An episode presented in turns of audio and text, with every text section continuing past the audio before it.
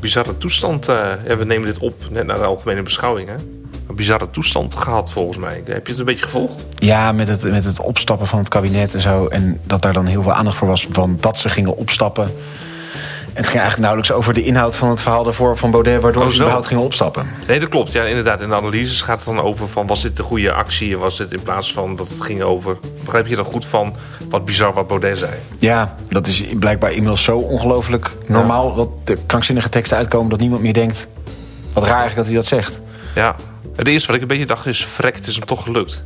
Ja, om het relletje van de dag Ja, te hebben. Ik denk altijd van als ik het zie gebeuren, denk ik, eh, dan hoop en bid ik dat politie blijven zitten en niet eh, gaan interrumperen. Dat ze dit gewoon even aanhoren en overgaan tot de orde van de dag. Dan deze hele bijdrage in de, in de vergetelheid geraakt. Ja. Maar goed, maar dat is ook toch het hele ding. Beetje van, ja, zijn bijdrage is niet bedoeld om in die politieke arena daadwerkelijk iets te bereiken. Nee. Maar dit is bedoeld om weer filmpjes van te kunnen knippen, op Ja. internet te zetten. Hij is volgens en mij zelfs eh, live, meteen live gaan op Instagram.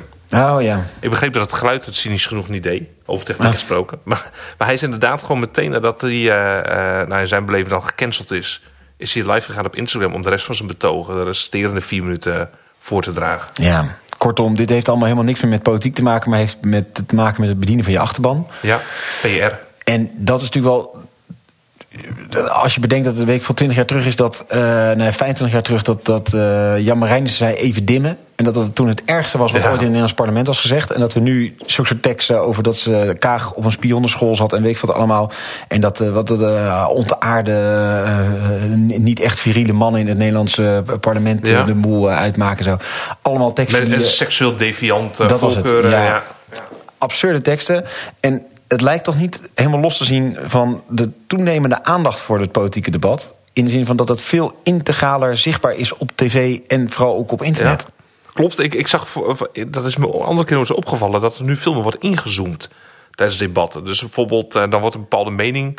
eh, komt in een eh komt iets voor en opeens zag ik de, de frontvrouw van de PvdA in beeld genomen. ja. Dus alsof is het een televisieverslag. Ja, ja, niet meer een sekke registratie van wat gebeurt er nou, maar er wordt dus keuzes in de regie gemaakt. ja, vroeger moest je nou dan eh, het, het verslag gaan lezen en nu kun je gewoon live meekijken hoe Ja. nou op iedereen die Hoe heet impact die heeft. vrouw van de PvdA? Kuik, naam- eh, eh, Adje Kuiken. Adje Kuiken, ja. En die, Probeer daar naam te voorkomen. Die, die, die invloed van die, die techniek, er volgens mij heeft dus echt een grote rol. Dat we het live kunnen zien, maakt dat zo'n actie van Baudet Ja. nuttig is. Anders zou je de volgende dag in de krant een stukje lezen. Ja, dat was nog echt een krankzinnige bijdrage van Baudet. Nou, het kabinet was er boos over. Maar dat zou een stuk passiever Ja. tot ons komen. Een stuk minder impact maken op het moment dat je het niet zou kunnen zien, maar alleen zou kunnen lezen. Ja, en ik ben ook benieuwd wat er met de inhoud van de bijdrage doet. Omdat zoveel partijen eh, over het hele politieke spectrum aan het knippen zijn. En minuutjes, eh, clickbaits, catchphrases, eh, hoe noem je dat, dat Ja. gebeurt. Maar in elk geval minuutjes eruit lichten.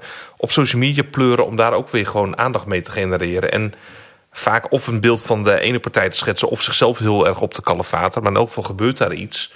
Waardoor het niet meer stek over de inhoud gaat, maar ook iets over van ja, hoe komen we over? Ja, en dat precies. is wel heel dominant geworden volgens mij de Ja, laatste en, jaren. en volgens mij is die invloed van die technologie dus op wat we daarin meemaken. eh, We zijn daar ons denk ik onvoldoende bewust van. En laat staan dat we daar ons van tevoren bewust van waren. Dus dat er ooit iemand denk ik geweest die zei: jongens, misschien moeten we als politieke partijen kiezen om niks met social media te doen. Ja. Want wat zou dat voor impact hebben op ons debat? Al voordat eh, social media bestond. Ja, of dat je ziet van, ja. joh, dit komt op. Maar, Wat, zou, maar dat is een goede vraag. Van wat, wat, hoe, hoe kun je zorgen dat je technologie voor bent in je visie en beleid? Ja, ik weet ook niet of het kan. Nee. En, en, en ik denk dat er wel een hele hoop dingen aankomen. En dat er een beetje soort twee richtingen bestaan. Ofwel dat je denkt. Technologie komt aan, het wordt een grote ramp. De SGP heeft natuurlijk heel lang niks op televisie gedaan. Zo van, ja, daar doen we gewoon niet aan. Dat vinden wij niet oké. Ja. Eh, hebben daar inmiddels in, in, in bijgestuurd. De hele achterban eh, zat er ook niet op. Nee, precies, dat hielp ook, denk ik. Dus dan hoef je ook minder. Ja. En je hebt denk ik natuurlijk een kant waar die zegt... ja, technologie is juist weer de oplossing voor alles. Dus als we Ja. maar dingen met AI gaan doen... en met, met slimme techn- technical Ja. fixes... dan kunnen we ook heel het klimaatprobleem ook even oplossen. Als we maar gewoon slimme technologie doen. Ja. Een soort verblinding ook. Ja. Maar daar proactief over nadenken, ja, dat gebeurt volgens mij niet. En is misschien ook wel bijna onmogelijk... omdat die technologie je altijd overvalt, ja. ja. Ja, dus dan kom je misschien toch weer bij wat oudere ideeën. Dat je weet hoe je mensbeeld eruit ziet, hoe je samenlevingsvisie is. Voordat je. En dat, dat de technologie altijd in dat kader intreden doet of zo. Maar dat lijkt ook wel een beetje verloren. Ja, dat je het überhaupt aan iets kan toetsen. Van ja, waarom aan een zou- ideologie of Ja. aan een eh, eh, eh, levensperspectief. Ja. Nou, laten we deze vraag gaan voorleggen aan uh, Kees Vijstra. Ja. Hij is uh, universitair docent aan de Erasmus Universiteit. Hij uh, richt zich op recht, ethiek en technologie, dus zit goed in deze hoek. Ehm, je kunt hem kennen van het boek Waarheidszoekers over complotdenkers, wat de laatste tijd, een, paar, een jaar terug ongeveer heel veel aandacht kreeg. je kunt hem kennen van de podcast Filosofie, een hele goede aan te raden podcast, toch André? Uh, ja, zeker. Ik word overvallen door de reclame die je opeens maakt. Maar, uh, nee, uitstekende pot. En je kunt hem kennen van, uh, maar in ieder geval zeker relevant in dit kader... is het boek Verkeerd Verbonden over technologie en social media. Dus laten we aan hem deze vraag gaan voorleggen. Ja, dus de vraag van, is het eigenlijk niet een heel groot gevaar... social media, noem maar op. Ja. Wat schieten we ermee op? Precies, hebben we er wat aan. Ja. ja goed. En wat, ik ook, wat me ook leuk lijkt... en Kees zit hier al, dus we kijken hem ook aan... terwijl deze vraag stellen van... het is natuurlijk omgeven met mythes, hè, technologie de chemtrails in de lucht. Allerlei complotten. Wat er met technologie mogelijk is. Hoe beïnvloed worden. Lijkt me leuk. Om, dat is weer een beetje de hand van je tweede boek Waarheidszoekers. Ik ben benieuwd naar hoe dat uh, met elkaar samenhangt. Ja, gaan we doen. Veel plezier. Top, Kees. Technologie. Hoe uh, is het nou een groot kwaad technologie? Is dat uh, de, de, oplossing voor alles? Hoe, hoe kunnen we daar tegenaan kijken? Nou, dat zijn eigenlijk een beetje de twee grote lijnen in, in het debat. Dus dat je zegt van technologie, daar kun je als mens eigenlijk niks aan doen. Dus dat heeft een soort van eigen ontwikkelingslogica. En dat, ja, er wordt in techniekfilosofie wordt dat de substantieve benadering van technologie genoemd. De substantief in de zin van ja, technologie is een substantie in zichzelf. En dat, daar kunnen we als mensen niks aan doen. Dat ontwikkelt zich. ons. Het overkomt. Nou, het, het heeft een eigen ontwikkelingslogica. Oh ja. dus wij staan erbij en kijken ernaar. Wij staan erbij en we kijken ernaar. En dat is, uh, en dat is de Franse filosoof Jacques Ellul, die daar de man van is die, die dat dacht. Dus de technologie heeft een eigen logica. En wij, wij mensen, ja wij, wij, ja, wij staan er eigenlijk buiten. En dus dat is één benadering. En de andere benadering is die zegt, ja, technologie is slecht. Hè? Dus technologie is, uh, ja, daar. daar dat is een bedreiging voor de mens en dat, dat, dat moeten we misschien ook niet willen met elkaar. We moeten eigenlijk het mensen, de, de mensen zuiver houden van technologie, zou je kunnen zeggen. En uh, ja, de, de, ook, ook technologie haalt mensen bij zijn natuurstaat vandaan. Bij, uh... Ja, dus, dus er is zoiets als een zuiver mens zijn. En dat zuivere mens zijn wordt bedreigd door technologie. Hm. Dus de SGP is denk ik iemand die dat, een partij die dat denkt of dacht in relatie tot televisie. Van, van ja, televisie, dat is echt iets slechts. Dus het, ze, ze waren ook niet zozeer bezig met de vraag van wat doet die televisie nou eigenlijk? Dus dat, die vraag stelden ze eigenlijk ook niet. Van wat, wat, wat voor impact heeft dat nou op hoe wij leven als reformatorische gemeenschappen? Nee, de benadering is, die televisie is slecht als technologie. Als in zichzelf. In zichzelf. Ja. ja. Ja, en, en, daar, en tegenover die benadering, denk ik, staat heel erg. Uh, technologie is goed in zichzelf. Hè? Dus technologie staat voor vooruitgang. Dus technologie helpt ons, helpt de samenleving vooruit. En dat is denk ik de, de, de meer D66-benadering van, van te technologie. Daar, daar, daar, daar ben je als mens van nature. kun je daar ook niet tegen zijn, want ja, het helpt de mensheid, het helpt het, het mens zijn vooruit. Dus, dus je bent als mens inherent pro-technologisch. Dus ja. er wordt ook altijd gezegd van ja... Maar het is een verleidelijke gedachte. Want als je inderdaad... Soms zie je van die natuurdocumentaires met apen... die met een stenen noot openslaan. Dan zie je al onze eerste aanleg voor het gebruik van te techniek, zeg maar. En dan kom je misschien ook wel een beetje op die substantieve benadering. Van ja, vanuit die hamer, die steen op de walnoot... is die hele ontwikkeling begonnen. Je kunt er ook niet zoveel... Je kunt het niet tegenhouden, lijkt mij, die, die hele ontwikkeling.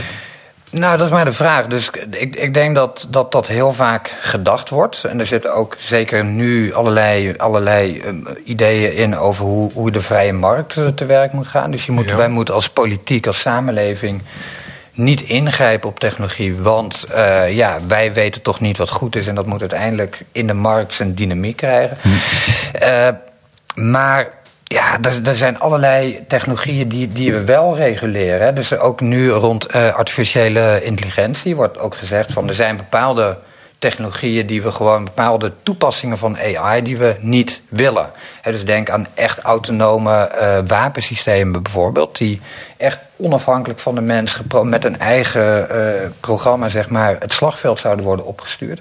Nou, daarvan is gezegd dat is een categorie die we op voorhand van zeggen dat, dat dat willen we niet. Dat gaan we gewoon reguleren. Dus de, het, het, het idee van eh, ja, we moeten van, van echt puur van, vanuit ja, een bepaalde opvatting uh, tegen technologieregulering zijn. Ja, dat, dat, dat zie ik ook niet. Dat, is door, dat wordt eigenlijk door niemand echt gepredikt.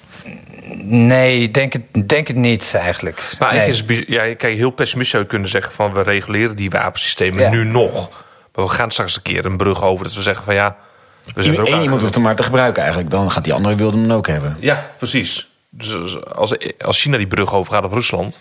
Ja, nee, dat, dat, is, dat, is, dat is denk ik uh, waarom op Europees niveau heel erg nu gewerkt wordt aan, aan een kader voor het ontwikkelen van, uh, van kunstmatige intelligentie. Omdat ja, men bang is, ja, als wij hier de boot missen, dus als, als zeg maar in de samenleving heel erg weerstand en verzet komt tegen ja, uh, angst ook voor, voor wat algoritmes kunnen doen, wat kunst, kunstmatige intelligentie kan doen, heeft men eigenlijk op Europees niveau gezegd: we gaan dat op voorhand wegnemen door te, te werken aan betrouwbare kunstmatige intelligentie. Dus we gaan vanaf nu een soort van kader ontwikkelen met drie pijlers. Ethiek is een pijler en, en uh, de, de, de rechtsstatelijke inpassing van die algoritmes is een, is een pijler. Dus algoritmes die grondrechten bedreigen, dus menselijke vrijheid of lichamelijke integriteit, dus denk aan privacy.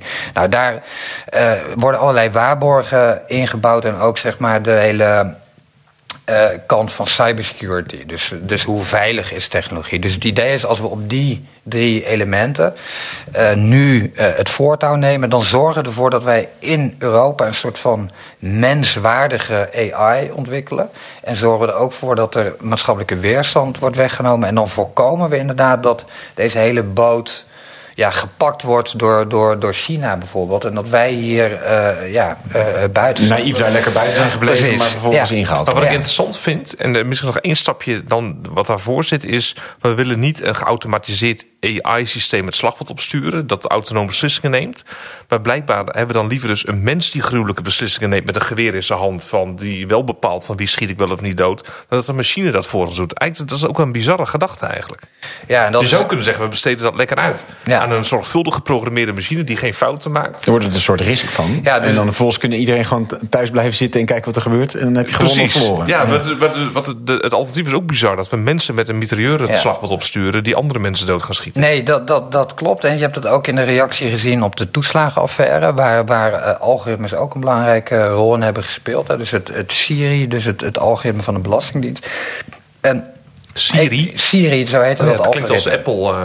Ja, inderdaad. Dat is een ongelukkig gekozen naam, denk ik. Dat is systeemrisico-inventarisatie of iets okay. dergelijks. Dus op een bepaald uh, systeemniveau werden dan risico-indicatoren bepaald. En dan de, aan de hand daarvan werden dan uh, ja, dossiers wel of niet gecontroleerd door de Belastingdienst. Nou, daar, is, daar is hele toeslagen af. Ja, en, en daar zit natuurlijk een van die factoren was multi-etniciteit, geloof ik. Zoiets, ja, waardoor een hele racistische uh, laag dus onder zat. Ja. Precies, dus er zaten honderd indicatoren. En een en, en andere belangrijke indicator was laag inkomen. Dus blijkbaar, uh, nou in ieder geval een van de reacties op die toeslagenaffaire is geweest van mensen, uh, zo, zo, werd het geformuleerd. Door, door het kabinet uh, in een reactie op het rapport over de toeslagenaffaire. Mensen moeten weer van doen kunnen hebben met iemand van vlees en bloed. Oh ja. He, want, want een van de problemen was ja, mensen die, die voelden zich, die, die wisten niet waarom zij geselecteerd waren, wisten niet waarom zij in beeld waren gekomen door, bij de Belastingdienst. Maar die konden vervolgens nergens hun ja, hun zegje doen. Zeg. Die, konden, hè, die, die vonden geen loket waar ze konden aankloppen. En dan is de vraag, en dat linkt dus aan jouw vraag, dan is de vraag, ja, helpt dat dan? Hè? Zou zo'n mens van vlees en bloed wel in staat zijn om zonder biases, zonder vooroordelen... Nou, die mensen hebben toch het algoritme ingesteld, zou je zeggen. Dus in principe als iemand vraagt waar val ik erom, dan kun je zeggen van nou, u heeft een multi-etnische achtergrond en ja. een laag inkomen. Want ja. dat hebben wij namelijk als mensen bepaald dat dat een risicofactor is. Ja. Mensen van vlees en bloed. Ja, dus, dus zeg maar, dat, dat is een andere discussie inderdaad. Dus eh, de discussie over, ja, eh, moeten algoritmes begrijpbaar zijn voor de buitenwereld? Moeten ze uitgelegd kunnen worden? Moeten ze transparant zijn? Nou, inderdaad, je zou kunnen zeggen, uh, het algoritme is eigenlijk opgebouwd van in dit geval de toeslagenaffaire, op basis van input van allerlei deskundigen binnen de Belastingdienst, die hebben gezegd van nou, dit zijn risico-indicatoren. En dit is zeg maar een bak met initiële data. Die is in het algoritme gestopt. En aan de hand daarvan is een ja, algoritme getraind. Wat, wat, wat ermee eindigde dat het algoritme alleen nog maar uh, controleerde bij mensen met een heel laag inkomen. dus dat was een, ja, dat noemen ze selectie bias. Hè. Dus dat uh, door de instructie om op lage inkomens te, te, te, controleren, uiteindelijk het ding alleen nog maar op lage inkomens controleert. En je zou kunnen zeggen, een van de onderdelen van een AI-aanpak in de samenleving is dat je in ieder geval het recht hebt om te begrijpen hoe die uh, algoritmes werken. En, en daarvan wordt ook wel gezegd: ja, dat is misschien typisch een van de nieuwe grondrechten van een uh, samenleving uh, van de toekomst. Dat je ja, het recht hebt om te weten welke criteria worden gebruikt. En, ja, en dat is denk ik dat haakt denk ik ook wel aan bij, bij een van de belangrijke mythes rond uh, algoritmes, rond AI in het algemeen. Van, ja, dat is een gigantische blackbox. En je gooit er wat in en, en dan doet het ding iets. En dan komt er iets uit en we hebben geen idee wat er in de machine gebeurd is. Nee, precies. Uh, nou ja, dat voor mij en, en voor jou is het misschien uh, onduidelijk. Maar er zijn natuurlijk wel experts die het algoritme getraind hebben, eh, die het uh, algoritme instructies hebben gegeven van let hierop of let daarop. Uh, en, en dat is traceerbaar. En er zijn ook algoritmes die, die als het ware niet van tevoren instructies meegeven, maar die zelf uit een ho hoeveelheid data, zeg maar, uh, vervolgens relevante uh, indicatoren, relevante halen, verbanden ja. halen en zo. En daarvan wordt er gezegd, ja, daarvan weten we niet hoe dat algoritme tot dat type uh, verband is gekomen. Dus dat, dat is, uh, uh, misschien, misschien moeten we daar dan voorzichtiger op zijn. Nou, een, een, expert op dat gebied kan dat wel uitleggen. Die kan, leggen, die kan uitleggen hoe dat algoritme geprogrammeerd is ja, om, om, om bepaalde correlaties te leggen. Dus die, die maar, niet. Ja. Maar jij zou kunnen zeggen van eigenlijk zijn dat twee mythes van, van hoe, komt het al, hoe gaat het algoritme te werken? En kan, ja. kan het niet zelfstandig doorontwikkelen waar wij geen zicht op hebben? Jij zegt dat dat valt mee. Dat is voor experts te zien. Dan heb je de tweede mythe, eigenlijk bestaat rond de experts. Ja, dat is een kleine groep mensen die snappen hoe het werkt. En die nemen voor onze beslissingen. En wij zijn daaraan overgeleverd. Ja. Ja, dus, ik, ik, ik, dus dat, dat, is denk ik zo. Dus, dus eh, mensen die hiermee werken, die in de, deze terreinen werken. Dus die bezig zijn met het trainen van algoritmes, met het selecteren van, van data, met het, het voeden van het algoritme met, van, met data om hem getraind te krijgen. Ja, dat, dat, wordt een, dat, dat, wordt een, dat is een, een heel klein uh, groepje natuurlijk. En zij hebben natuurlijk ja, hands-on kennis van hoe werkt dit. Hè? En, en ja, weten wij als samenleving, de rest van de samenleving, weten wij wat daar gebeurt? Ja. Um, Nee. En, en je zei net van die factor. Uh, het kabinet zei in de reactie op de toeslagenaffaire. mensen moeten altijd recht hebben om naar een mens ja. toe te gaan. Wat was daar de redenering achter? Nou, de redenering is ook een beetje formalistisch. Het is gewoon een, een, een erkend recht, zeg maar, in, in de Europese jurisprudentie. Dat je het recht hebt om als een individu gezien te worden. Dus jij als mens hebt het recht om in een bestuurlijke context gezien te worden als een individu. En dat, dat is dan denk ik wel een van de belangrijke fundamentele verschillen tussen een algoritme en een mens. Uh, dat tegenover een mens kan een mens uitleggen waarom die iets gedaan heeft. Dus ja. die kan redenen geven, die kan, zich, die kan motiveringen geven. Ja, en daarvan wordt gezegd, ja, een, een algoritme kan dat niet, doet dat niet. Die, die legt verbanden, maar die kan niet uitleggen hoe die tot iets gekomen is. Nee.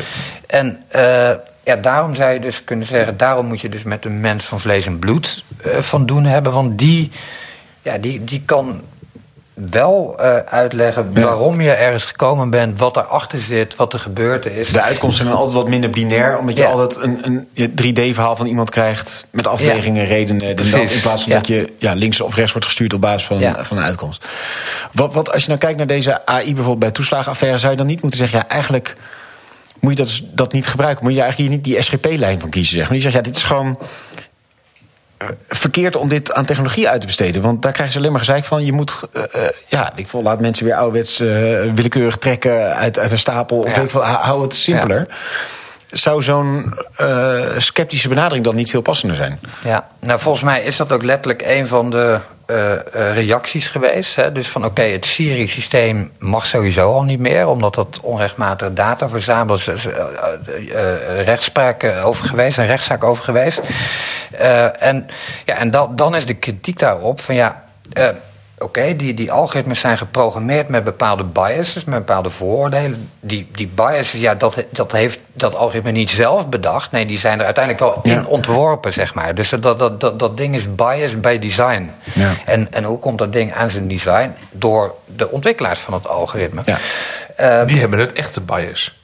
Die hebben de bias gematerialiseerd in het algoritme, zou je kunnen zeggen. En de ontwikkelaars zijn wij eigenlijk als samenleving. In het geval van de belasting toeslagen? Nee, de, de, de Belastingdienst zelf. Dus zij... ik bedoel, van, de, de, de natuurlijk in door dat wij als samenleving willen met onze belastingdienst. We waren bang voor fraudeurs. Ja, ja en dat waren oh, ja, Bulgaarse fraudeurs. En die moesten keihard aangepakt. Pieter Omtzigt, uh, respect voor wat hij allemaal aan de positieve kant van de toeslagenaffaire heeft gedaan. Maar die was ook heel streng op dat die Bulgare fraude was ook allemaal miljarden lekte weg, zei RTL. Ja. En toen dus, werd er gezegd, jongens, al die gasten met een dubbele nationaliteit of uh, buitenlandse nationaliteit moeten we keihard aanpakken. Want die zitten ze allemaal geld weg te jatten. Dus in principe cijpelt het algoritme, eh, alles van, van ons denken als samenleving is doorgecijpeld in het algoritme. In, in het ontwerp van, uiteindelijk van de algoritme, dus in de keuzes die het heeft gemaakt. Uh, maar ook al in de, in, in de data waar het mee getraind is. Dus er is zeg maar een, een, een initiële hoeveelheid van 30.000 zaken in dat algoritme gestopt om, hem, om hem te trainen. En die zijn, dat is veel trouwens. Ja, die zijn, ja, klopt. Eh, maar die zijn, die zijn uh, geselecteerd. En alleen al die selectie is natuurlijk niet neutraal. dus mensen hebben dat gekozen. Die hebben gezegd van nou, dit is een representatieve hoeveelheid data. Uh, ga hier maar uh, je training mee doen. Hè? Dus uh, werk hier maar mee, algoritme. En ja, dat, daar, dat zijn al menselijke keuzes geweest. Dus helpt het zeg maar om bijvoorbeeld de samenleving te zeggen. Ehm, ja, dus een antwoord op de vraag van, van algoritmes moet je in bepaalde contexten niet willen. mensen moeten doen, want dan voorkomen we drama's zoals de toeslagenaffaire. Ja, dat, dat is denk ik ook niet zo. Uh, dus um, uh, om, om, waarom? Omdat je er simpelweg ook niet omheen kunt dat het design van, een, van welke technologie dan ook, dat is uiteindelijk wel iets wat je wij doen, wat we als samenleving doen, wat designers doen, ontwerpers doen. En, ja, want in die 30.000 uh, casussen, nou, dit is n-bias van welke 30.000 stop je erin. Precies. Plus, ja. die 30.000 zijn dus casussen die aan het licht zijn gekomen. Dus die zijn ooit al een keer geselecteerd. Ja. Op basis van dat mensen ze überhaupt ooit gingen controleren. Klopt. Dus uiteindelijk is die input natuurlijk een menselijke inschatting geweest van, nou, daar zou het wel eens even kunnen stinken. Zeg maar. Zeker, ja. En ze hebben volgens mij letterlijk 100 indicatoren uh, bepaald. Van oké, dit zijn risico-indicatoren en daarmee die, die, dat algoritme getraind. En ja, je ziet zeg maar op al die niveaus wat het ingrijpen van de mens is geweest. Dus ook uh, omzicht, zeg maar.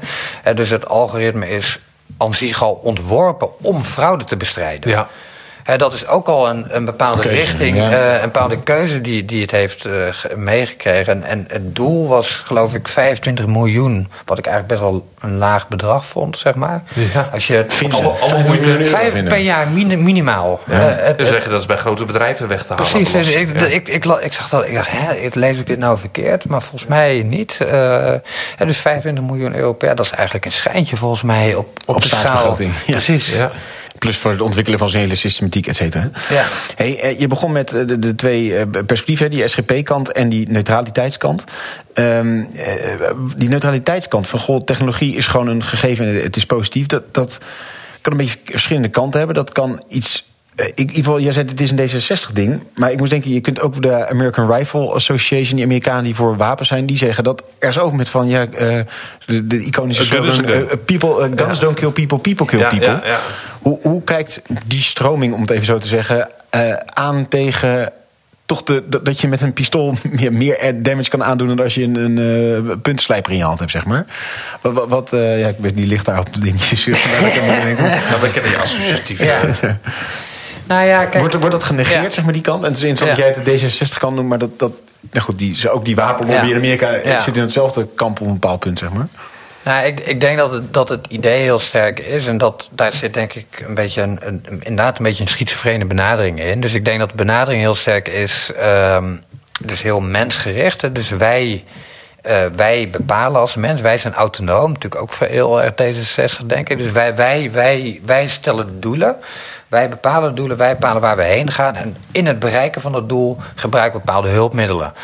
Uh, maar, die leggen we vervolgens weer weg en dan gaan we gewoon rustig op onze weg verder. Ja. ja. En, en een, uh, ja, denk ik, een meer technologie-realistische benadering, in ieder geval één waar, waar ik mezelf toe zou rekenen, uh, is zou zeggen: nou ja, maar alleen al wat je in een samenleving als doelen hebt. Hè, dus wat, wat, wat de normaliteit is in een samenleving, is een bepaalde normaliteit die er mede is door technologie. Hè, dus denk aan bijvoorbeeld het beëindigen van. Uh, van zwangerschappen.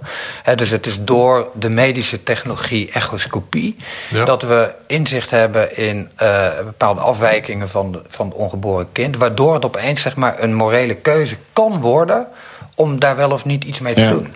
En dus zeg maar dat, van de techniek alleen al?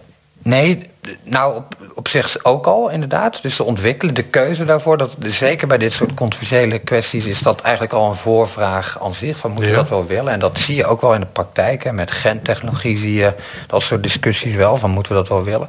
Maar ook in dit geval zeg maar het, het speelveld... Um, welke keuze maak ik bij het beëindigen van mijn zwangerschap... is een speelveld wat gecreëerd is door een technologie. Echoscopie ja. in dit geval. Ja, vroeger ontdekte je pas als het kind eruit kwam van... jeetje, er is er ja. aan de hand. En nu weet je dat al in een heel vroeg stadium. Ja. En ja. dus ook je, je morele dilemma wordt steeds moeilijker... omdat je al in een veel vroeg stadium keuze maakt. Dat zal Peter Paul van Beek zegt erover. Uh, wel bekend volgens mij. Zijn boek Vleus Icarus. Hoogleraar in, uh, in, in Twente. Ja.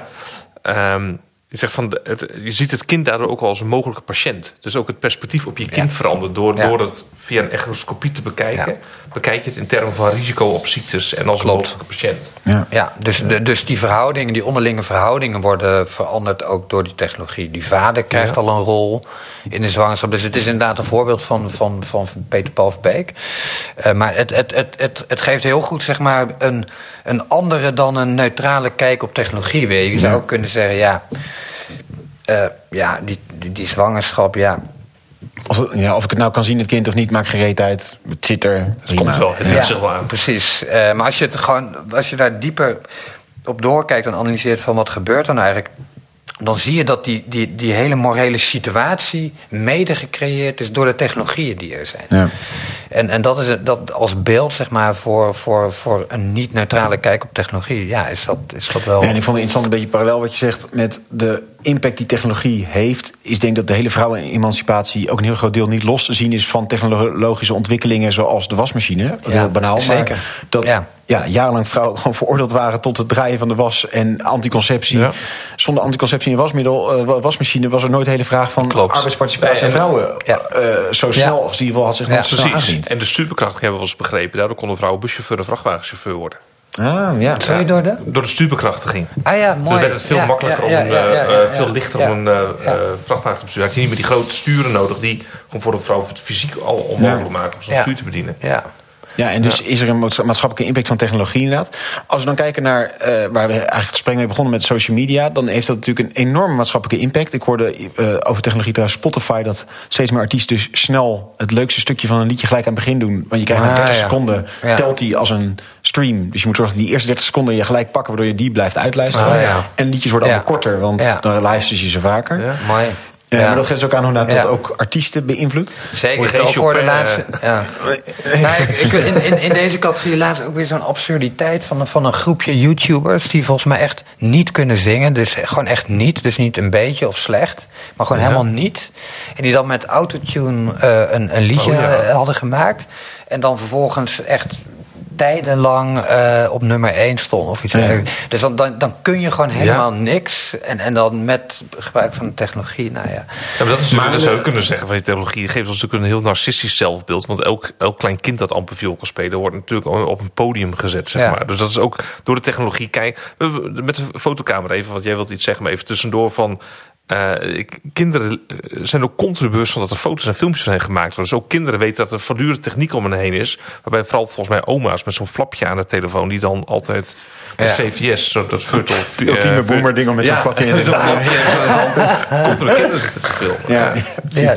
Maar want, wat ik me afvroeg is van deze... Je zegt bijvoorbeeld met gentechnologie, weet je, daar is, wordt nu wel over nagedacht. Nou, andere komen straks denk ik wel op, ook met, met jouw rapport met het WI. Uh, maar um, is er ooit... Zijn er goede uh, vroege beschouwingen al op social media bijvoorbeeld gedaan. Ken je die, Kees? Van dat je zegt van dat, of dat mensen al vrij vroeg erbij waren om daar kritisch over te zijn? Of is dat toch een technologie die zich een beetje zo, zo plotsklaps en vrij alomvertegenwoordigd heeft op, uh, voorgedaan dat het er al was voordat we er eigenlijk wel uh, over na hadden kunnen denken? Nou ja, ik, ik, een van de, van de eerste kritische studies die ik ken. Dat is uit de jaren negentig. Een onderzoek waarin de, de internetparadox uh, als term gemunt is. Namelijk dat, dat men toen zei van ja, een technologie die bedoeld is om te verbinden. Hè, dus dat was echt het, echt het idealistische project van het internet in de jaren negentig. Van we halen mensen uit hun bubbels. En, en we creëren. Uit hun bubbels. Uit hun bubbels, ja. dat, uh, het soms ironie weet. Dat was echt. Creëren bubbels door de televisie. Precies. En natuurlijk zat iedereen thuis. Ja. Bowling Alone. In Bowling Alone, ja. inderdaad. Prachtig boek. Die dat heel mooi beschrijft. En die, die eigenlijk ook al... Ja, inderdaad, dat is eigenlijk een mooi voorbeeld. Dat, die, die al vroeg zich ook al uitspreekt dan van... Ja, het is nog een hele vroege ontwikkeling. Dus Bowling Alone is in 2000, denk ik, verschenen. Ja, maar zijn artikel in de jaren 50 toch of zo? Heel nee, wel later. De Putnam, Putnam is het inderdaad, de Amerikaanse... Nee, het is 2000 volgens mij. Ja, volgens mij die orde. Niet oh, okay, ja, nou, nee. En die zegt nou van, van uh, hoe vroeger dat er één centrale barbecue in een straat was... en iedereen met elkaar aan het barbecue ja. waren... en vervolgens iedereen zijn eigen barbecue kon kopen... maar vervolgens in zijn tuin tegen de andere aan het barbecue was. Ja, ja, precies. Dus dat, dat de economische vooruitgang ervoor gezorgd heeft... dat we een stuk alleener zijn geworden... en dus dat de bowlingclubs verdwenen zijn... en iedereen bowling alone naar zijn eigen baantje huurt. Ja. En die zeggen dus dat internet iets anders doet dan televisie. Dus televisie separeert mensen, internet brengt mensen Dat samen. was in ieder geval de droom van de jaren 90 dus. Dat is jaren 90, maar dat is niet uh, Putnam. Dat is die, die, de ontwikkelaar van het, van het internet. Ja, precies, die, die had ja. die dromen daarbij. En, en Put, Putnam is op dat moment, dus eigenlijk met de kennis van nu, eigenlijk wel grappig. Uh, is, is een beetje voorzichtig van nou, we weten nog niet of deze ontwikkeling het gaat halen en wat hiermee gaat gebeuren. Dus we moeten nog een beetje ons op de vlakte houden. Maar hij zegt wel, de eerste signalen zijn niet goed. Ja, dat zegt Putnam ja. al in, in 2000 over bowling alone. Dus dan had je cyber balkanization, was toen een, een, een, een term wat in die jaren een beetje rondzong. En hij spreekt er ook al over. Van, zal deze technologie ons juist op een soort van hypermanier fragmenteren en tegen elkaar opzetten? En dat is dan heel erg nog discussie over, zal dat gebeuren? Maar waar ik het net over had, is een artikel uit de jaren 90 waarin die internetparadox uh, gemunt wordt als term. Dus ja, hoe kan een technologie die ontworpen is om verbindingen te creëren, eigenlijk het tegenovergestelde bewerkstelligen? Dus hoe, hoe komt dat nou? En nou, ik denk dat dat die benadering, die benadering van, van het internet heel lang, zeker in academische kringen, heel veel slechte pers heeft gekregen. Van uh, je moet niet um, op voorhand al vanuit een soort van voorgegeven idee kritisch zijn op, deze technologische ontwikkeling. Uh, je moet niet nu al denken van ja, wat, wat, wat, wat, zal deze nieuwe ontwikkeling ons eenzamer maken of juist meer verbonden of wat? Nee, je moet gewoon proberen heel empirisch te kijken van wat doet het nou echt in de samenleving en, en, en, en je van die vooroordelen als het ware te onthouden.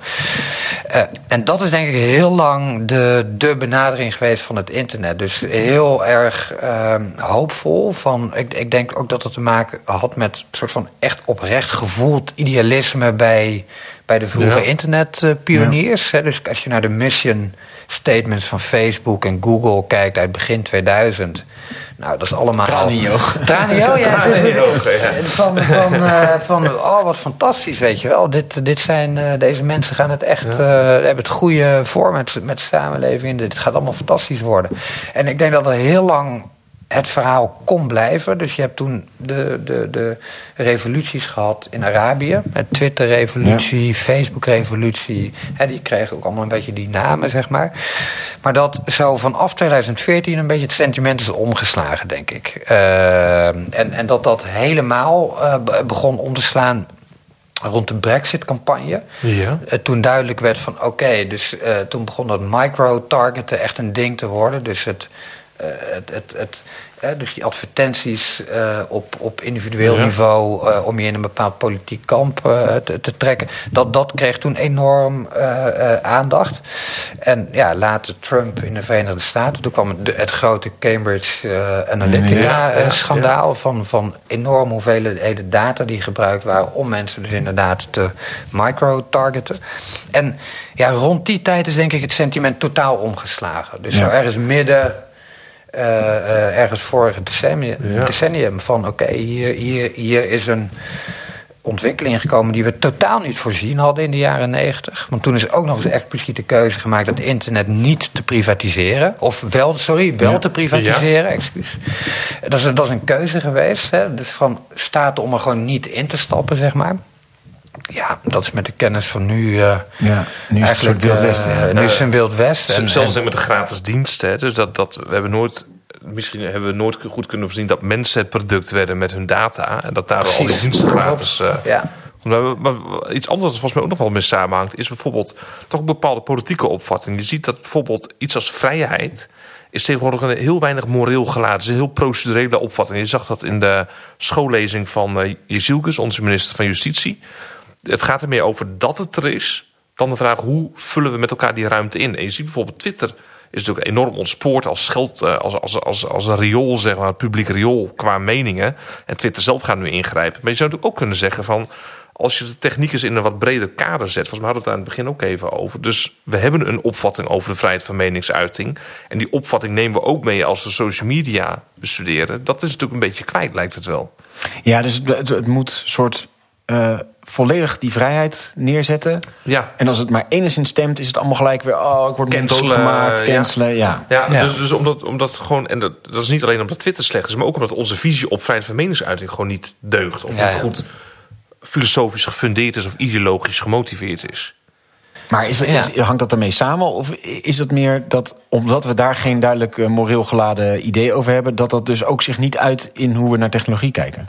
Nou, ik, dat, maar ik denk ook dat, dat daar bijvoorbeeld, uh, nu Twitter heeft bijvoorbeeld Trump uh, van, van, van het platform gehaald.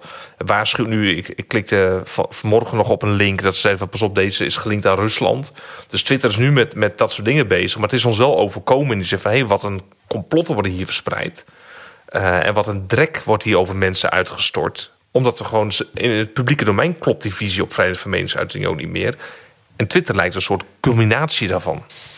Ja, ik denk al die sociale media, dus die, die komen ook echt uit een expliciet libertaire uh, uh, opvatting, mensopvatting. Hè, dus echt uh, Ayn Rand oh, ja. filosofieën zitten daarachter. Uh, dus gewoon het ongebreideld emanciperen van het individu. Ja. Dus, het, het, het, dus gewoon vrijheid ten koste van whatever. Dat maakt ook eigenlijk niet zo heel veel uit. En dat dat, dat is heel erg de filosofie van eigenlijk alle grote Silicon Valley goeroes.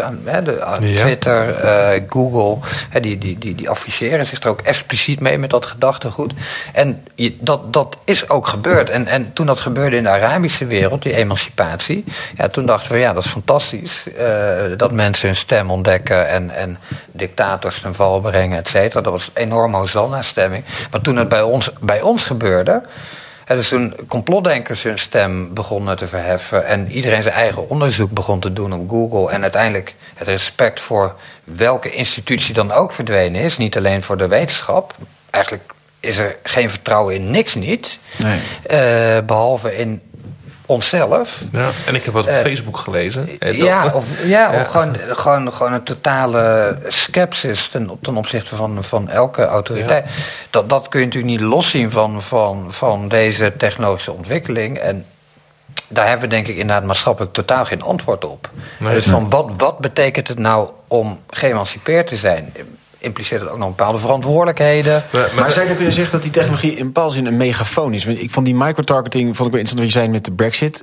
Eigenlijk probeert, is dit natuurlijk de droom van elke politicus al decennia lang. Dit had iemand in 1900 ook gewild. Dat hij precies de juiste mensen kon toespreken om precies de juiste informatie te geven. Alleen je moest dan naar een zaaltje en dan moest je in dat zaaltje een heel overtuigend verhaal houden is het in die zin als een steen versus een geweer van god, het ene middel is wat effectiever om iemand dood te maken dan een ander? En, en is het dus daarmee gradueel of is er wel iets principieel anders in, in die technologie? Ja, dat is altijd. Dat is altijd dat is, dat is altijd een lastige discussie van. Uh, is, is, is Twitter, zeg maar, uh, of laat ik het simpeler maken, is e-mail een nieuwe brief? Uh, of, of is e-mail wezenlijk anders dan, dan een brief? Of is e-mail een, een elektronische brief, zoals het woord uh, dat, ja, dat zegt? Het suggereert. En ik, ik, ik denk dat dat dat dat niet zo is. Hè? Dus dat, dat, je, dat, dat technologieën elk hun eigen dynamiek hebben. En dat, je, dat dat de maatschappelijke uitdaging ook is om je af te vragen van wat is die eigen dynamiek. En ik denk dat techbedrijven er heel erg belang bij hebben om ons te doen geloven dat e-mail de nieuwe brief is. Hè? Terwijl eh, bijvoorbeeld als je kijkt al naar hoe dat grondwettelijk geregeld is. Dus er is grondwettelijk een briefgeheim. Dus de overheid mag niet in jouw brieven kijken. Maar er kijkt geen overheid in jouw e-mail. Eh, Google kijkt in mijn e-mail. Ja, was het overheid uh, Precies, wat, dat zou je bijna... Ja. Dus nog op iemand anders kunnen stemmen. Ja, ja. Dus, dus die hele dynamiek is gewijzigd door de technologie die gewijzigd is. en wij zijn ook gewijzigd denk ik met die e-mail, want je zegt nou, het is geen brief. Uh, de frequentie waarmee mails worden gestuurd, zoveel brieven kreeg je echt nooit nee. per dag, zeg maar. Dus nee. dat, uh, ja. En ook Maar dat- niet alle cc's. Uh, Nee. hè, dus, uh, afschrift. Ja, mooi. ja, mailbox geworden, toch? Dat is het rare. Ja. Ja. Vroeger was het, je werd niet mail, brieven open, nu is je werk je mailbox leeg. Ja. Maar het is ook eh, een enorme paradox. Dat, dat eigenlijk het ideaal van die individualisering, maar even zo gezegd, hè, of die, de, de, de vrijheid van het individu.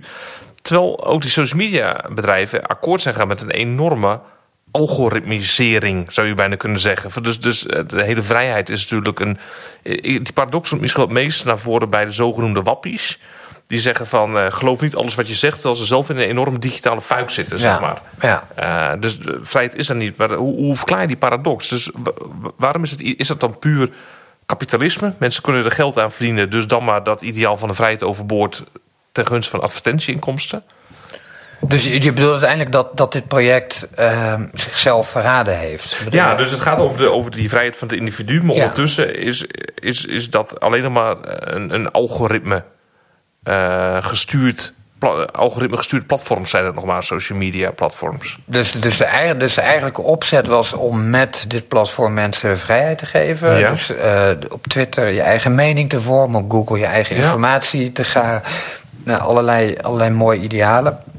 Maar in de praktijk eh, zie je dat, dat dat niet gerealiseerd is op dat platform, omdat het ja, simpelweg met een bepaald algoritme Ja, je in een bepaalde richting wordt, wordt Precies, gestuurd of ja. Ja, nou, dat, dat zijn sowieso bewuste keuzes geweest. Hè? Dus eh, daarin zie je inderdaad ook een verschuiving bij, bij die platformen, denk ik. Hè? Dus de, Facebook, eh, zeg maar, 2004 en nu... dat is, dat is ook een wezenlijk ander, ander bedrijf. Hè? Dus eh, nu...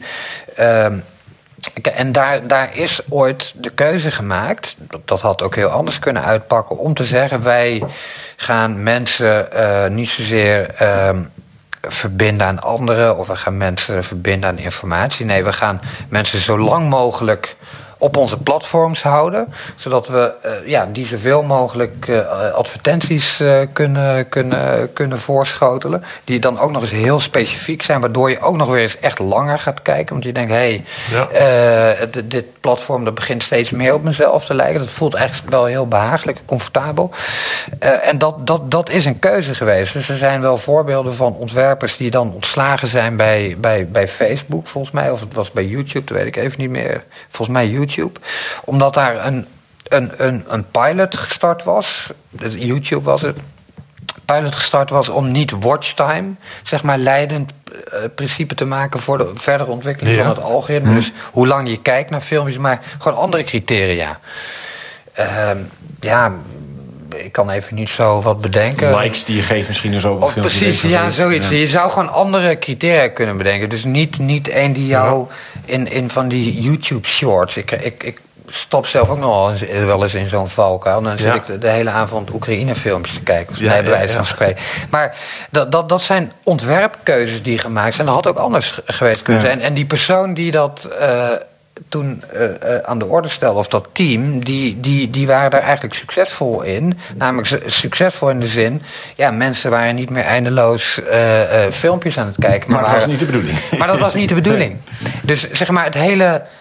de, de, de bestaansgrondslag van deze media, zou je kunnen zeggen, is nu wel gecorrumpeerd. Omdat de, de belangen van die platforms al lang niet meer synchroon lopen met eh, de belangen van de samenleving. Ik zag onlangs een soort van eh, filmpje van Google, waarin ze de toekomst van Google eh, voor, schetsten. Een heel gelikt, soort van surrealistisch filmpje.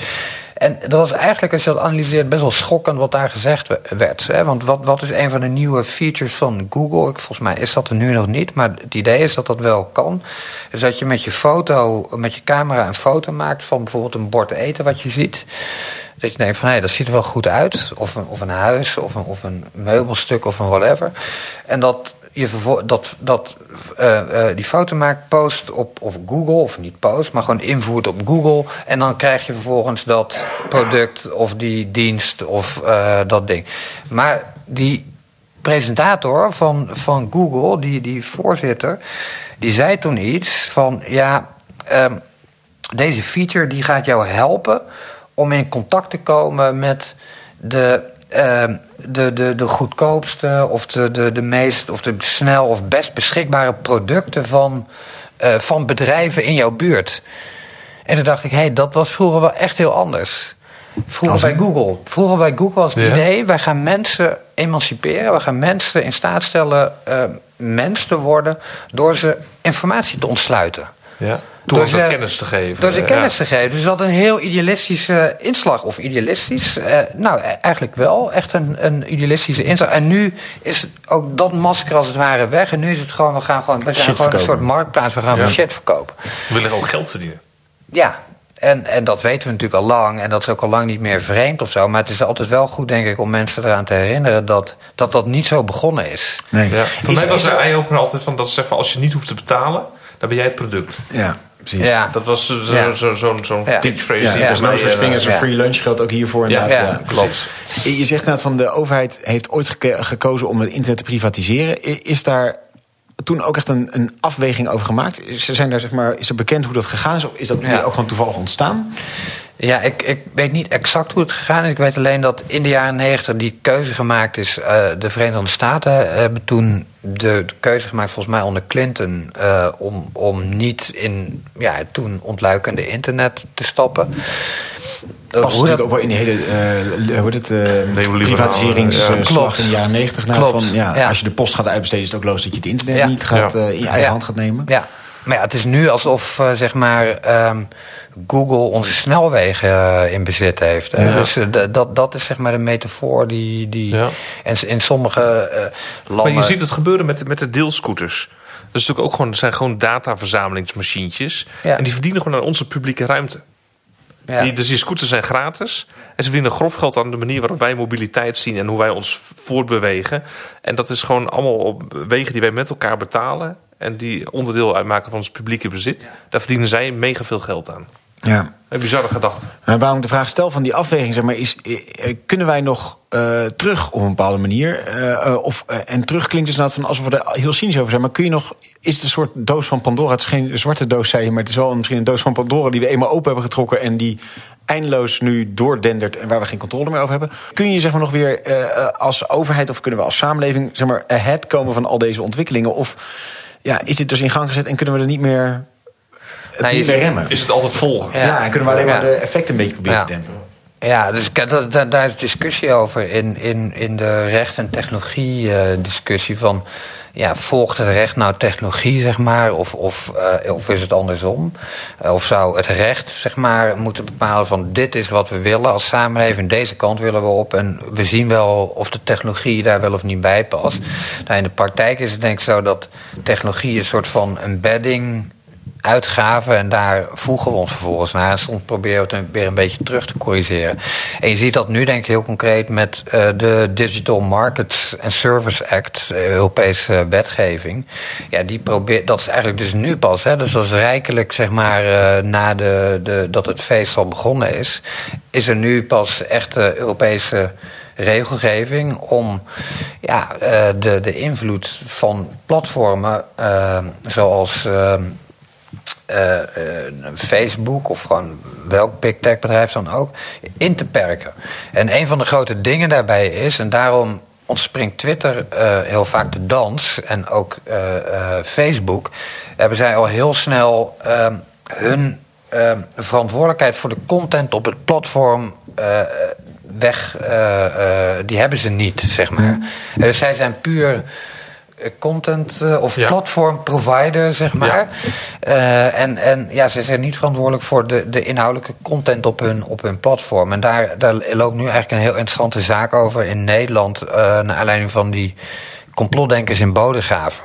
Ah, dus de gemeente heeft nu Twitter gedaagd om Twitter te dwingen die schadelijke uh, complottheorie te verwijderen. Want Twitter heeft tot nu toe altijd gezegd: nou ja, jammer dat ons, dat ons platform misbruikt wordt. Ons mooie uh, platform, ons neutrale platform ook trouwens. dus ze hebben eigenlijk zelf ook een technologie. Die, guns don't kill people. Precies, absoluut. Ja. De, jammer dat dat door slechte mensen ge, gebruikt wordt. Maar ja, dat is nu eenmaal zo. En wij zijn niet aansprakelijk voor die inhoudelijke content. En, ja, want in Bodegraven is het verhaal dat daar allerlei uh, kinderen die slachtoffer waren van ritueel misbruik begraven liggen. En daar worden allemaal bloemen gelegd in demonstraties ja. en wat Ja, dus dat is een heel, heel, heel gedoe. En uh, ja, dat, dat, dat, je ziet wel dat we dat maatschappelijk gezien steeds moeilijker accepteren. Dat zij dus helemaal uh, die, die dans ontspringen en zeggen van ja, wij wij hebben met die inhoud niks van doen. Uh, en, en daar denk ik dus dat wij wel iets bezig zijn om, om ja, een invloed terug te, te veroveren.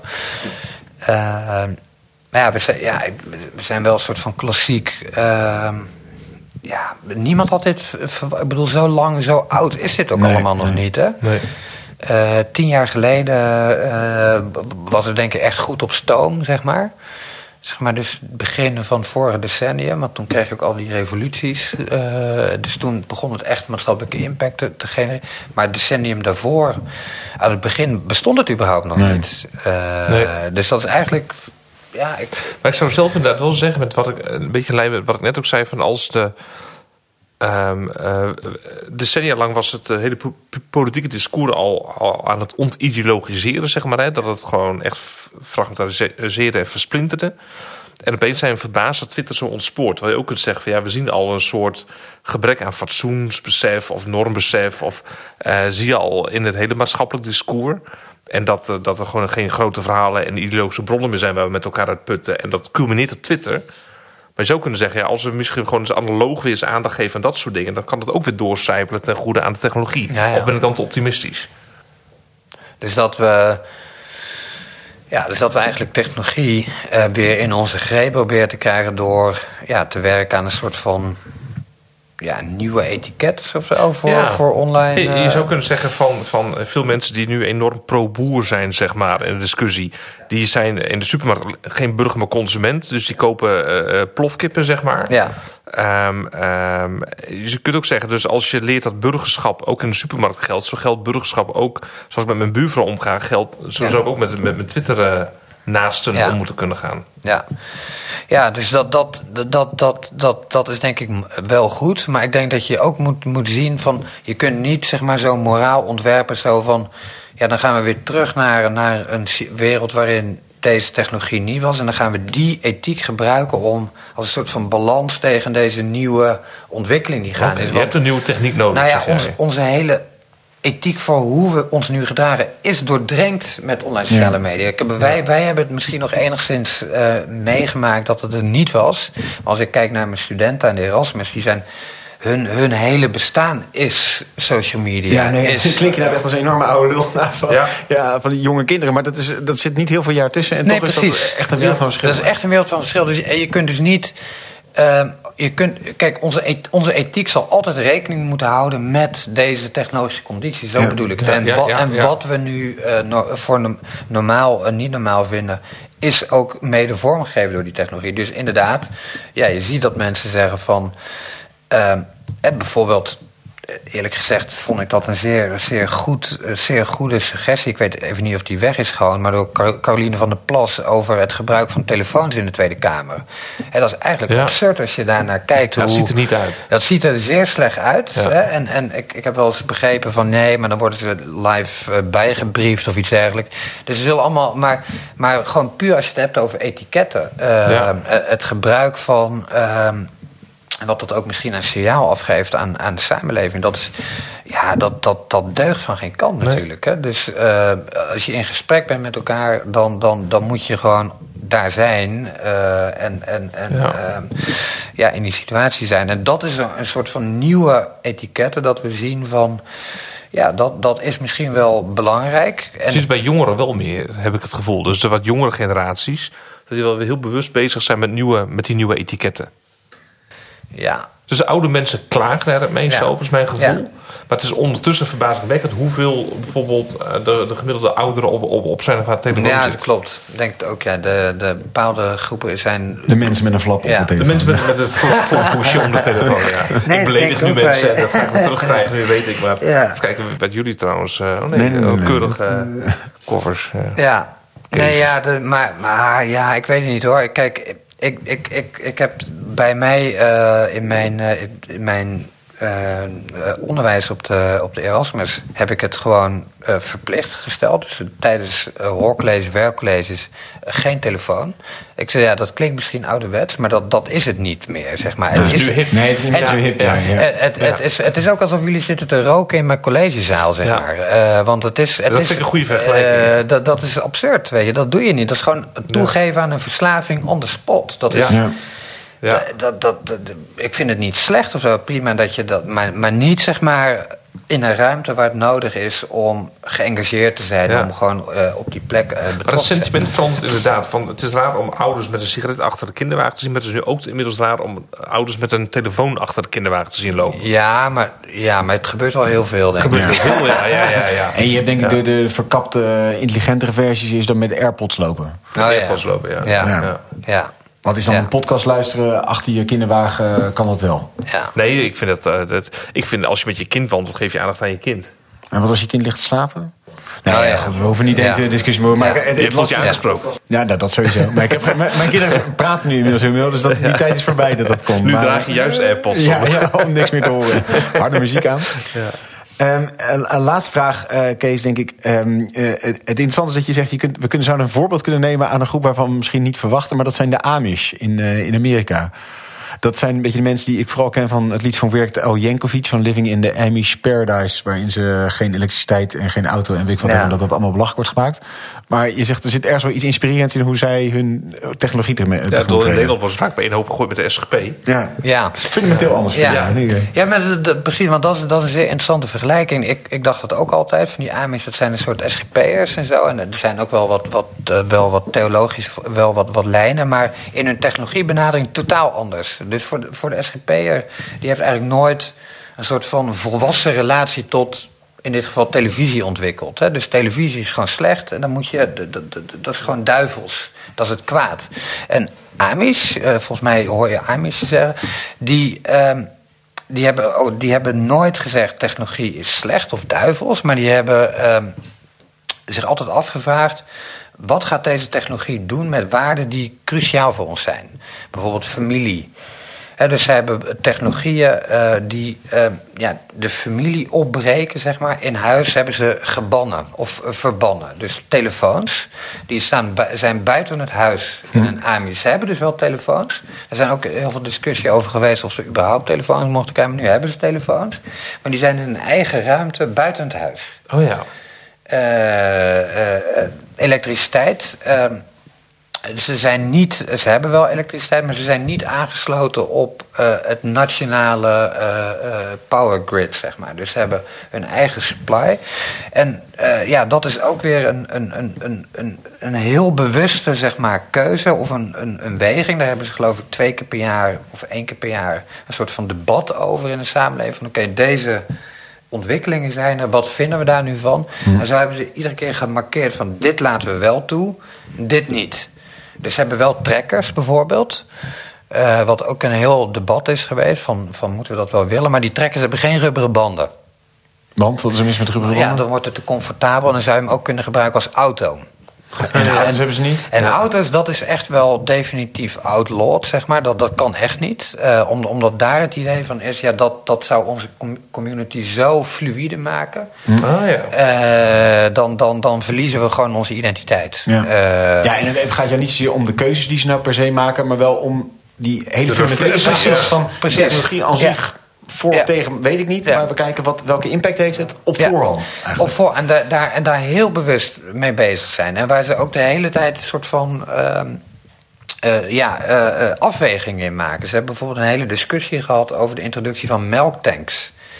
Dus daar waren zij geen, geen voorstander van. Dat speelt in de jaren 60. Dus ze hadden gewoon nog melkbussen, zoals wij dat ook hadden. En ja, toen moesten ze uiteindelijk toch uh, over op, op melktanks. Maar zij zijn zich van bewust, als wij een melktank nemen... dat is niet zomaar een melktank nemen, nee... dan gaan we ook schaal vergroten. Ja. Want we kunnen opeens meer melk uh, bewaren. Betekent ook...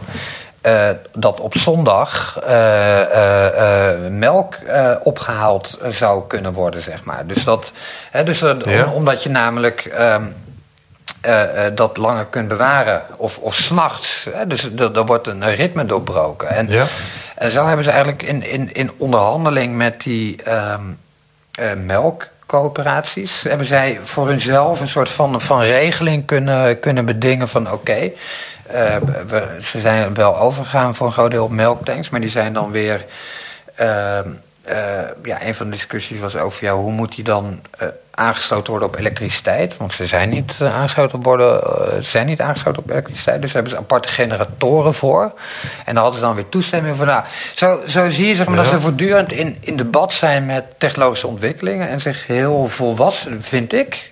En ik denk eigenlijk dat je dat ja. steeds meer gaat zien. Dat mensen ook wel ja. kijken naar dit soort gemeenschappen. Ja, en bewust van de interactie met technologie. Wat zeg je? Ze, ze zijn heel bewust van de interactie Precies. met technologie. En ze hebben echt ander, dat is denk ik echt belangrijk om te zien. Het is absoluut niet een soort van SGP-ding van televisie is slecht. Nee. Uh, maar, maar dat heeft mij altijd verbaasd. Even een persoonlijke anekdote tussendoor. Dat in, in, rond 2004 weet ik nog kwam uitzending gemist op.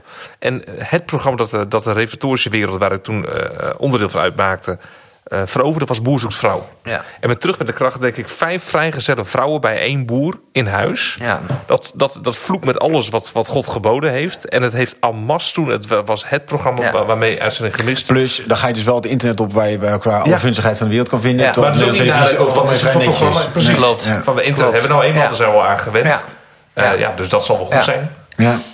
En Ja. eh, dat vind ik interessant, dat hele perspectief net. En ehm, daar bedacht ik iets bij, maar dat ben ik nu even kwijt. Nou, kun je zo hebben. Eh, en ik, ik denk interessant wat Kees net zei met die, met die soort jezelf die regels opleggen, wat die Amish dan eh, eh, deden of doen, is dat, dat nu bijvoorbeeld Arie Boomsma, om een, een leidend voorbeeld in deze wereld te noemen, waar die, heeft het een- heen? die heeft namelijk zo'n hele cultus nu rondom routines en zo. Weet je? Die heeft een hele podcast over wat voor routines bij, bouw jij in je leven. Wat natuurlijk ook allemaal eigenlijk gaat over deze dingen van oké, eh, melktank kan leiden tot de 24 uur economie, dat willen we niet. Dus welke banden leg ik mezelf aan om daarin te matigen? Ja. Ja, dat zou misschien eigenlijk een aardige outtake van dit gesprek zijn. Die was, eh, leg je telefoon in een kistje buiten in de tuin... je mag alleen Ja. buiten Ja. gebruiken. Dan eh, voorkom je in ieder geval dat je de hele tijd achter je kinderwagen eraan eh, aan zit. ja. En kunnen we nog een andere naam noemen om niet uh, Arie Booms als laatste naam in onze podcast te hebben? Nou, of, of, eh, of Erik Borgman, dus Oh, een, ja. eh, een, eh, een, een Amerikaanse filosoof. Nee, die- Albert Borgman. Albert Albert Erik Borgman is een ja. Nederlands theoloog. ja. Ja. Eh, dus, nou ja, maar, die, maar die heeft dus ook eigenlijk een beetje Arie Boomsma-achtige benadering van, van focale dingen en praktijken, wat hij dan noemt. Dus je moet ook heel bewust zijn volgens hem van ja, bepaalde dingen in je huis maken bepaalde praktijken wel of niet mogelijk. Dus als jij in je kamer een enorme eh, televisie hebt staan, ja, dan, dan wordt je kamer wel heel erg. Word je heel erg in jouw kamer uitgenodigd om ja, daar, Ja, daar een heel centrale plek in. ja, precies. Nou, da- da- dat is, en dat, dat is denk ik niet een soort van oudbollig of zo. Ik denk juist dat het heel erg van... Ja, Ja, volwassen bijna. vol- volwassen is. eh, om, om je daarmee mee bezig te, te houden, denk ik. Dat, eh, Technologie laat ons niet eh, koud. Dat is eigenlijk misschien wel de belangrijkste strek. inderdaad. Het is niet een neutraal ding, maar het vormt ook eh, jou en mij. Ja. Zoals het ook jou vormt als luisteraar. Want je zit lekker eh, in je, met je oortje in... eh, misschien wel achter je kinderwagen. Ja, van alle zijn. Hey, hoor ik dan, Kees. Top. Super, bedankt. Oké. Als je aan nieuwe techniek denkt, is de eerste gedachte vooruitgang. Een nieuw gemak voor de mens. Op mijn veertiende kocht ik van het geld verdiend met mijn krantenwijk een kleine cassetterecorder in chroom en zwart. Je kon daarvoor cassettebandjes met muziek kopen, maar ook lege om zelf op te nemen. Er zat namelijk een losse microfoon bij de recorder en het apparaat had een rode opnameknop. Dat was nog eens iets anders dan mijn aftanse lampenradio, een afschuivertje van mijn oudere zus. De laatste minuten van Radio Veronica, mijn eerste gedichten. Ik heb ze via mijn recorder trots op band vastgelegd. De slogan van Audi, voorsprong door techniek. geeft precies mijn geestesgesteldheid van destijds weer. Maar de cassette werd ingehaald door de CD en wat er verder volgde, tot aan Spotify vandaag. De cassettes heb ik nog, maar de bandjes zijn verkleefd en onbruikbaar. Ik laat de wereld niets dan plastic na. Steeds verkeerde een technische vooruitgang in achterstand. Elke glanzende bewondering ging over in doffe teleurstelling. En meegaan met de technische vooruitgang is doodvermoeiend. Wie kent niet de updates en vervanging van computerprogramma's waaraan je net gewend was? Steeds met de bedrieglijke belofte van verbetering. Er is uiteindelijk niets onder de zon dat niet veroudert. En toch, techniek zonder belofte van vooruitgang bestaat niet. En vooruitgang bestaat niet zonder techniek. De nieuwste methoden van bestraling van kanker zijn een stap vooruit. De camera's in het uitgaansgebied verhogen ons gevoel van veiligheid. De algoritmen maken selectie en organisatie van informatie mogelijk in een graad die voorheen buiten onze macht lag. De dubbelheid van techniek als vloek en als zegen heeft te maken met ons mensen zelf, als makers en als gebruikers van de techniek. In plaats van techniek op voorhand als bedreiging, onvermijdelijkheid of zegen op te vatten, is het daarom beter techniek te zien als een deel van onze algehele condition humaine. Een goede omgang met God, mens en wereld, en dus ook met techniek, vraagt van ons een morele beoordeling en een ethische houding. Of het nu gaat om een complex algoritme of om een simpele hamer, steeds is er het mogelijke gebruik van techniek ten kwade of ten goede. En vergt elke aanwending van een nieuw technisch product een nieuwe morele praktijk. Dat vergt inspanning, iets waar de techniek ons nu juist van wil verlossen. Als het goed is, houden ethiek en techniek elkaar scherp. En als het niet goed is, heeft niet de techniek het gedaan, maar altijd de mens. Al dus professor Dr. George Haring. Dank voor het luisteren naar deze aflevering van Bram. Volgende keer gaan we in gesprek met Tamer de Waal over asiel en immigratie. Zeker een aanrader. Graag tot volgende keer.